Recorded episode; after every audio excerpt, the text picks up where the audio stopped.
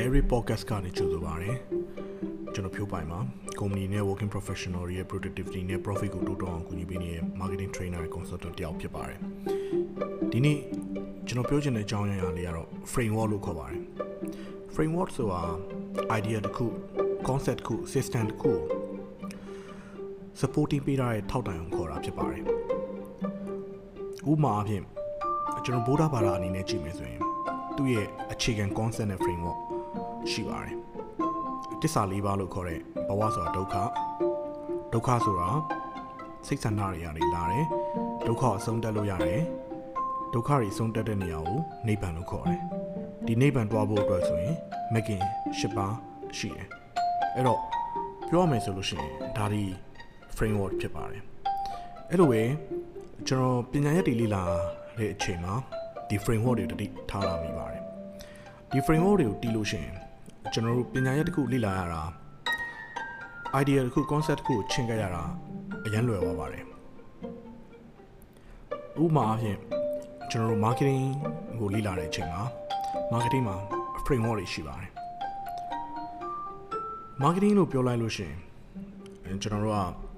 ဖောက်တယ်တွေရဲ့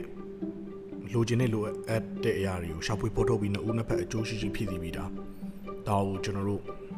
အရင်ခေတ်က marketing definition ဖြစ်ပြောခဲ့ကြတယ်အာဒီနေ့ခေတ်မှာလည်း definition နည်းနည်းပြောင်းလာတယ် engagement တွေတိဆောက်ပြီး profitable relationship တိဆောက်တာကို marketing လို့ခေါ်တယ်အဲ့တော့ marketing မှာ framework ကြည့်လိုက်မယ်ဆိုရင်ကျွန်တော်တို့ကခုနှစ်ချက်ရှိတယ်အဲ့တော့လူတွေကိုတည်အောင်ဘယ်လိုလုပ်မလဲလူတွေကိုသဘောကျအောင်ဘယ်လိုလုပ်မလဲ လူတွေကိုရဲ့ကုန်ပစ္စည်းကိုစမ်းတော့အောင်ဘယ်လိုလုပ်မလဲလူတွေကိုရဲ့ကုန်ပစ္စည်းကိုဝယ်အောင်ဘယ်လိုလုပ်မလဲဝယ်ပြီးသားဖောက်တယ်ထပ်ဝယ်အောင်ဘယ်လိုလုပ်မလဲထပ်ဝယ်ပြီးသားဖောက်တယ်တခြားလူတွေပြောအောင်ဘယ်လိုလုပ်မလဲအဲ့တော့ပြောရမယ်ဆိုရင် known like trust try buy repeat refer ဒီလိုမျိုး framework ရှိပါတယ်အဲ့လိုပဲ management မှာဆိုလဲမဟာဗျူဟာ6ရောက်မယ်ဆိုရင်ကျွန်တော်တို့ strategic plan ချတဲ့ framework ရှိပါတယ် MOST လို့ခေါ်ပါတယ် mission vision လာတယ် objective လာတယ်မဟာဗျူဟာလို့ခေါ်တဲ့ strategy လာတယ် view ဟာလို့ခေါ်တဲ့ tactic လာတယ်အဲ့တော့ဒါတွေကိုကျွန်တော် framework လို့ခေါ်ပါတယ်အဲ့တော့ကျွန်တော်ပထမ degree က medicine အဲ့ဒါလေ့လာတဲ့ချိန်မှာဘာတတွေ့လဲဆိုရင်ကျွန်တော်ကဇီဝကမ္မဆိုတဲ့အကြောင်းအရာလေ့လာရတယ်အဲ ဇီဝကမ္မအကြောင်းအရာလေ့လာရတဲ့အချိန်မှာခန္ဓာကိုယ်မှာဖြစ်ပေါ်နေတဲ့ခန္ဓာကိုယ်ကြီးကိုနားလည်ဖို့အတွက်ဆိုရင်တော့ system တွေခွဲလိုက်တယ်ဥပမာဆိုရင်အုံနောက်ဆိုရင် CNS လို့ခေါ်တာပေါ့ Central Nervous System အဲနှလုံးခုန်မှုဆိုရင် CVS လို့ခေါ်တာပေါ့ cardiovascular system skeletal system endocrine system ဒါမျိုးတူခွဲလိုက်တယ် system တွေခွဲပြီးတူကြည့်ရကျွန်တော်တို့ကဒီ system တွေရဲ့ဆက်ဆက်မှုတွေ နားလည်ပြီဒီ framework တခုကိုကောင်းကောင်းနားလည်ပြီဆိုရင်သဘောတရားတခုနားလည်သွားပြီအဲ့တော့ဒီ framework တွေကပညာရပ်တခုလေ့လာတဲ့နေရာမှာ concept တခုလေ့လာတဲ့နေရာမှာလောကယူကြည့်တဲ့နေရာမှာတော်တော်အရေးကြီးပါတယ်အဲ့တော့ကျွန်တော်စဉ်းစားမိတာကျွန်တော်နေတဲ့တူကဘဝကိုဖြတ်တန်းနေရယ်ဘဝကိုဖြတ်တန်းတဲ့အချိန်မှာရော ဒီဘဝကိုချင်းကပ်တဲ့ framework ကျွန်တော်တို့မှာရှိပြီလား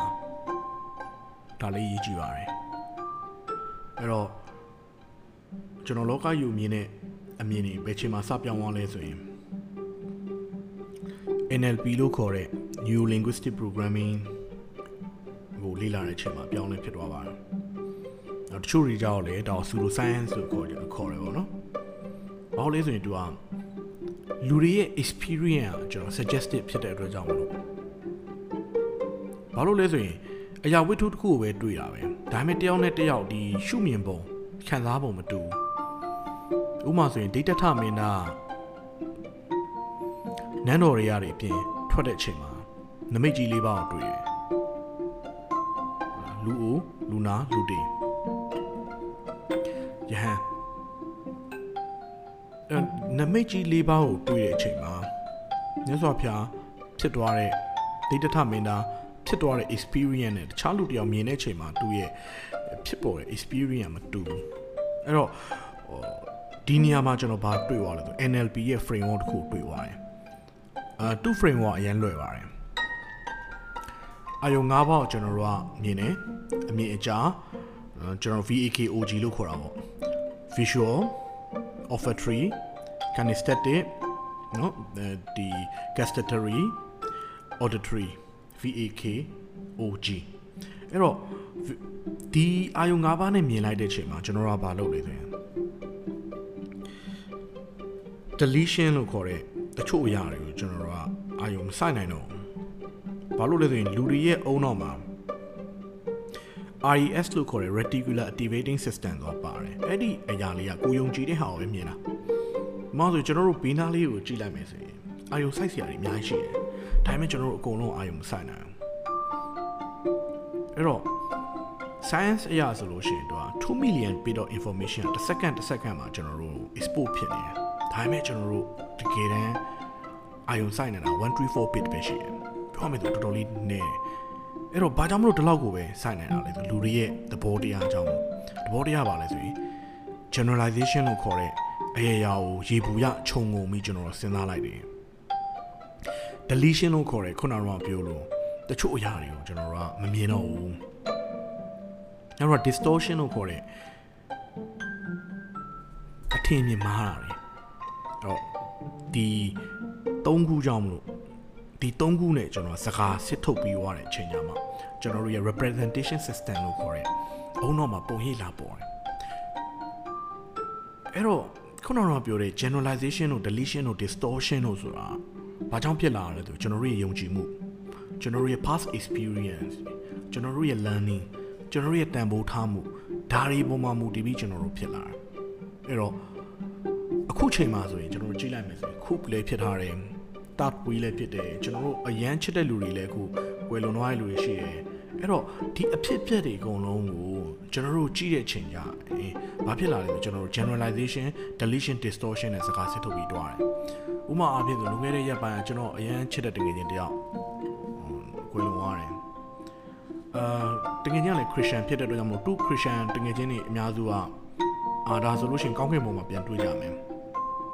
အမင်းအရင်ဆုံးတွားနေပေါ့ သူတို့ကြောင့်စိတ်ဖိတာတယ်ဘာလို့လဲဆိုရင်သူတို့ရဲ့ဒီအမြင်ပေါ့သူတို့ရဲ့ဒီစကားစစ်ထုတ်တဲ့အပိုင်းမှာကျတော့တို့တို့ဒီကောင်းကင်ဘုံတွားမယ်ယုံကြည်မှု faith ကိုမူတည်ပြီးတွားတယ်အဲ့တော့ဗုဒ္ဓဘာသာတရားအနေနဲ့ကြောင့်ကျွန်တော်တို့တန်တရားထဲမှာကျင်လည်ရမှာဖြစ်တဲ့အတွက်ကြောင့်မလို့တန်တရားရဲ့ဘယ်ချိန်မှာပြန်တွေ့မလဲမသိဘူးဆိုပြီးတော့မှကျွန်တော်တို့က representation system ကအဲ့လိုပေါ့အဲ့တော့တယောက်နဲ့တယောက်ကအခြေအနေတစ်ခုပေါ်မှာမူတည်ပြီးကျွန်တော်အဓိပ္ပာယ်ဖွင့်ဆိုမှုတွေကမတူကြအောင် အဲ့တော့ဒီ representation system ပေါ်မှာလာတဲ့အရာပေါ်မှာမူတည်ပြီးကျွန်တော်တို့က behavior ဆိုတာဖြစ်လာတယ်လှုပ်ဆောင်မှုဖြစ်လာတယ်အဲ့တော့ဒီလှုပ်ဆောင်မှုဘာထက်လွှမ်းမှုတွေလဲဆိုရင် representation system အပြင်ကျွန်တော်တို့ရဲ့ physiology လို့ခေါ်တဲ့ဇီဝကမ္မဖြစ်စဉ်ကလည်းလွှမ်းမိုးတယ် အဲ့တော့ပြောရမယ်ဆိုရင်ကျွန်တော်တို့၄၄ဆင့်ပေါ့နံပါတ်1ဆင့်ကကျွန်တော်တို့အာယုံ၅ပါးကိုမြင်တယ်နံပါတ်2ဆင့်ကကျတော့စကားစစ်ထုတ်တဲ့အဆင့်ကျွန်တော်တို့လုပ်တယ်နံပါတ်3ဆင့်ကကျတော့ကျွန်တော်တို့ရဲ့အာယုံမှာလာပေါ်တယ် representation system မှာနံပါတ်4ကကျမှ behavior ဖြစ်တာအဲ့တော့ကျွန်တော်တို့ရဲ့ behavior ကိုနောက်တစ်နည်းနဲ့လွှမ်းမိုးခြင်းနေဆိုရင်ဇီဝကမ္မဖြစ်စဉ်နဲ့လွှမ်းမိုးလို့ရတယ်ဥပမာအပြင်အရက်တောက်လိုက်တယ်မိုးသွားတယ်အဲ့ခုနကတော့အရာတွေကို bypass လုပ်ရလို့ရတယ်ဝီတုံးတယ်ဒါတွေကို bypass လုပ်သွားတယ်အဲဒါမှမဟုတ်အားကစားလုပ်တယ်သူ့ရဲ့ physiology ဇီဝကမ္မဖြစ်စဉ်ပြောင်းလဲရကြောင့်မလို့သူ့ရဲ့ behavior ပြောင်းသွားတယ်ဒါကျွန်တော်ရဲ့ပေါ်အောင်ပြောင်းလဲဖြစ်စီခဲ့တဲ့ framework တစ်ခုပေါ့နော်ဒါအရင်တော့ဒီ NLP ဆိုတာအဲ့တော့ပြန်ပြီးပြောရမယ်ဆိုရင် framework တွေကအရင်အရေးကြီးပါတယ်လောကယူမြင်တဲ့အချိန်မှာ concept ကိုတခုလေ့လာတဲ့အချိန်မှာ framework တွေကိုတည်တည်ချာချာနားလည်မှာကျွန်တော်တို့ကဆက်ပြီး လေ့လာတဲ့နေရာမှာအဆင်ပြေမယ်အယူဆတစ်ခုကိုကောင်းကောင်းနားလည်မှာဖြစ်ပါတယ်အဲ့တော့အခုနောက်ဆုံးမှာတော့ဒီလိုအခက်ခဲတွေနဲ့ကြုံရင်းဆိုရင်နောက် philosophy တစ်ခုကိုလည်းကျွန်တော်တော်တော်လေးသဘောကျပါတယ် stoic philosophy လို့ခေါ်ပါတယ်အဲ့တော့ stoicism ဆိုတာဟိုးအရင်ခေတ်ကလေးက Greek တို့ Roma တို့ခေတ်ကလေးကပေါ်တာပါအဲ့ Marcus Aurelius တို့လိုမျိုးဘယင်းနေရှိတယ်လို့ တချို့ဆိုလို့ရှိရင်ဂျွန်ဘဝကနေပြီးတော့မှသူ့ဘဝအပြောင်းလဲဖြစ်အောင်လုပ်ခဲ့တဲ့ philosopher တွေပါပါတယ် Seneca တို့အဲ့တော့ဒီ Stoic philosophy ကသူ့ရဲ့ framework မှာဆိုရင်တော့တချို့အရာတွေကို control လုပ်လို့ရတယ်တချို့အရာတွေကို control လုပ်လို့မရအောင်ဒီနှစ်ခုကိုကောင်းသိရမယ်အဲ့ကို control လုပ်လို့ရတဲ့အရာတွေကိုအာရုံစိုက်ရမယ်ဆိုတဲ့ concept ဖြစ်ပါတယ်။ အော်ဒီ concept ကိုလည်းကျွန်တော်7 Habits of Highly Effective People တို့စောက်တွေမှာ Stephen Covey တို့ရေးတဲ့စောက်တွေမှာဖတ်ဖတ်ဖို့ပါလိမ့်မယ်။အဲ့တော့ဒီ stoic philosophy ကိုမှအခြေခံပြီးတော့မှအခုနောက်ပိုင်းမှာဆိုရင်ကျွန်တော် cognitive behavior therapy လို့ခေါ်တဲ့ CBT ပေါ့စိတ်တကြတဲ့လူတွေတို့ဒီလူတွေကိုကုပေးတဲ့နေရာမှာအရန်အတုံးဝင်တဲ့ဒီ therapy တစ်ခုပေါ်လာပါတယ် connected behavior therapy လို့ခေါ်ပါတယ် connected ဆိုတာ thinking နဲ့ဆိုင်တာပါဒီ connected behavior therapy ကကိုက action တစ်ခုလုပ်ပြီဆိုရင်ဒီ action အနောက်ကိုပြန်ကြည့်လို့ရှိရင်ကျွန်တော် emotion ဆိုတာရှိတယ်ဥပမာဆိုရင်ကိုကဘာလို့ဒီအပြုတ်မူလောက်တာလဲဘာလို့ဒီပြုတ်မူလောက်တာလဲနောက်ွယ်မှာကျွန်တော် feeling ရှိတယ်ဥပမာဆိုနေအောင်လက်တီးနဲ့ထိုးတယ်ဘာလို့လဲဒေါ်လာထွက်လို့ feeling အဲ့ဒီဒေါ်လာထွက်ရဲ့နောက်ွယ်မှာဘာရှိလဲဆိုရင် thinking ဆိုတာရှိတယ်အဲ့တော့သူ့ရဲ့ framework ပါလဲဆို thinking feeling action အဲ့တော့ကျွန်တော်တို့ရဲ့ action ကိုပြောင်းခြင်းတယ်ကျွန်တော်တို့ရဲ့ behavior ကိုပြောင်းခြင်းတယ်ဆိုရင်သူက thinking ကိုသူကပြောင်းရတာအဲ့တော့သူ့မှာလည်းအသေးစိတ် framework တွေရှိရပါအဲ့တော့အခုကျွန်တော်ပြောသွားရတဲ့မှာဆိုရင်ဟလာကျွန်တော်တို့ Buddhism ကစလို့ကျွန်တော်တို့ marketing ကျွန်တော် management လေ့လာတဲ့အချိန်မှာ medicine လေ့လာတဲ့အချိန်မှာ NLP လေ့လာတဲ့အချိန်မှာ ကျွန်တော်တို့ရှိတဲ့ framework တွေကိုပြောခဲ့ပါတယ်အဲ့တော့ဒီလိုမျိုးအဆုံးထိနားထောင်ပေးတဲ့အတွက်ကြောင့်မလို့လေကျေးဇူးတင်ပါတယ်ကိုယ့်ရဲ့အယူဆတွေရှိရဆိုလို့ရှိရင်လည်း comment မှာရေးခဲ့နိုင်ပါတယ်နောက်ပိုင်းကျရင်လည်းဒီ podcast တွေထပ်ပိုကောင်းအောင်ကျွန်တော်တို့ကြွားပါမယ်အားလုံးကျေးဇူးတင်ပါတယ်မင်္ဂလာရှိတော်နေ့လေးဖြစ်ပါစေ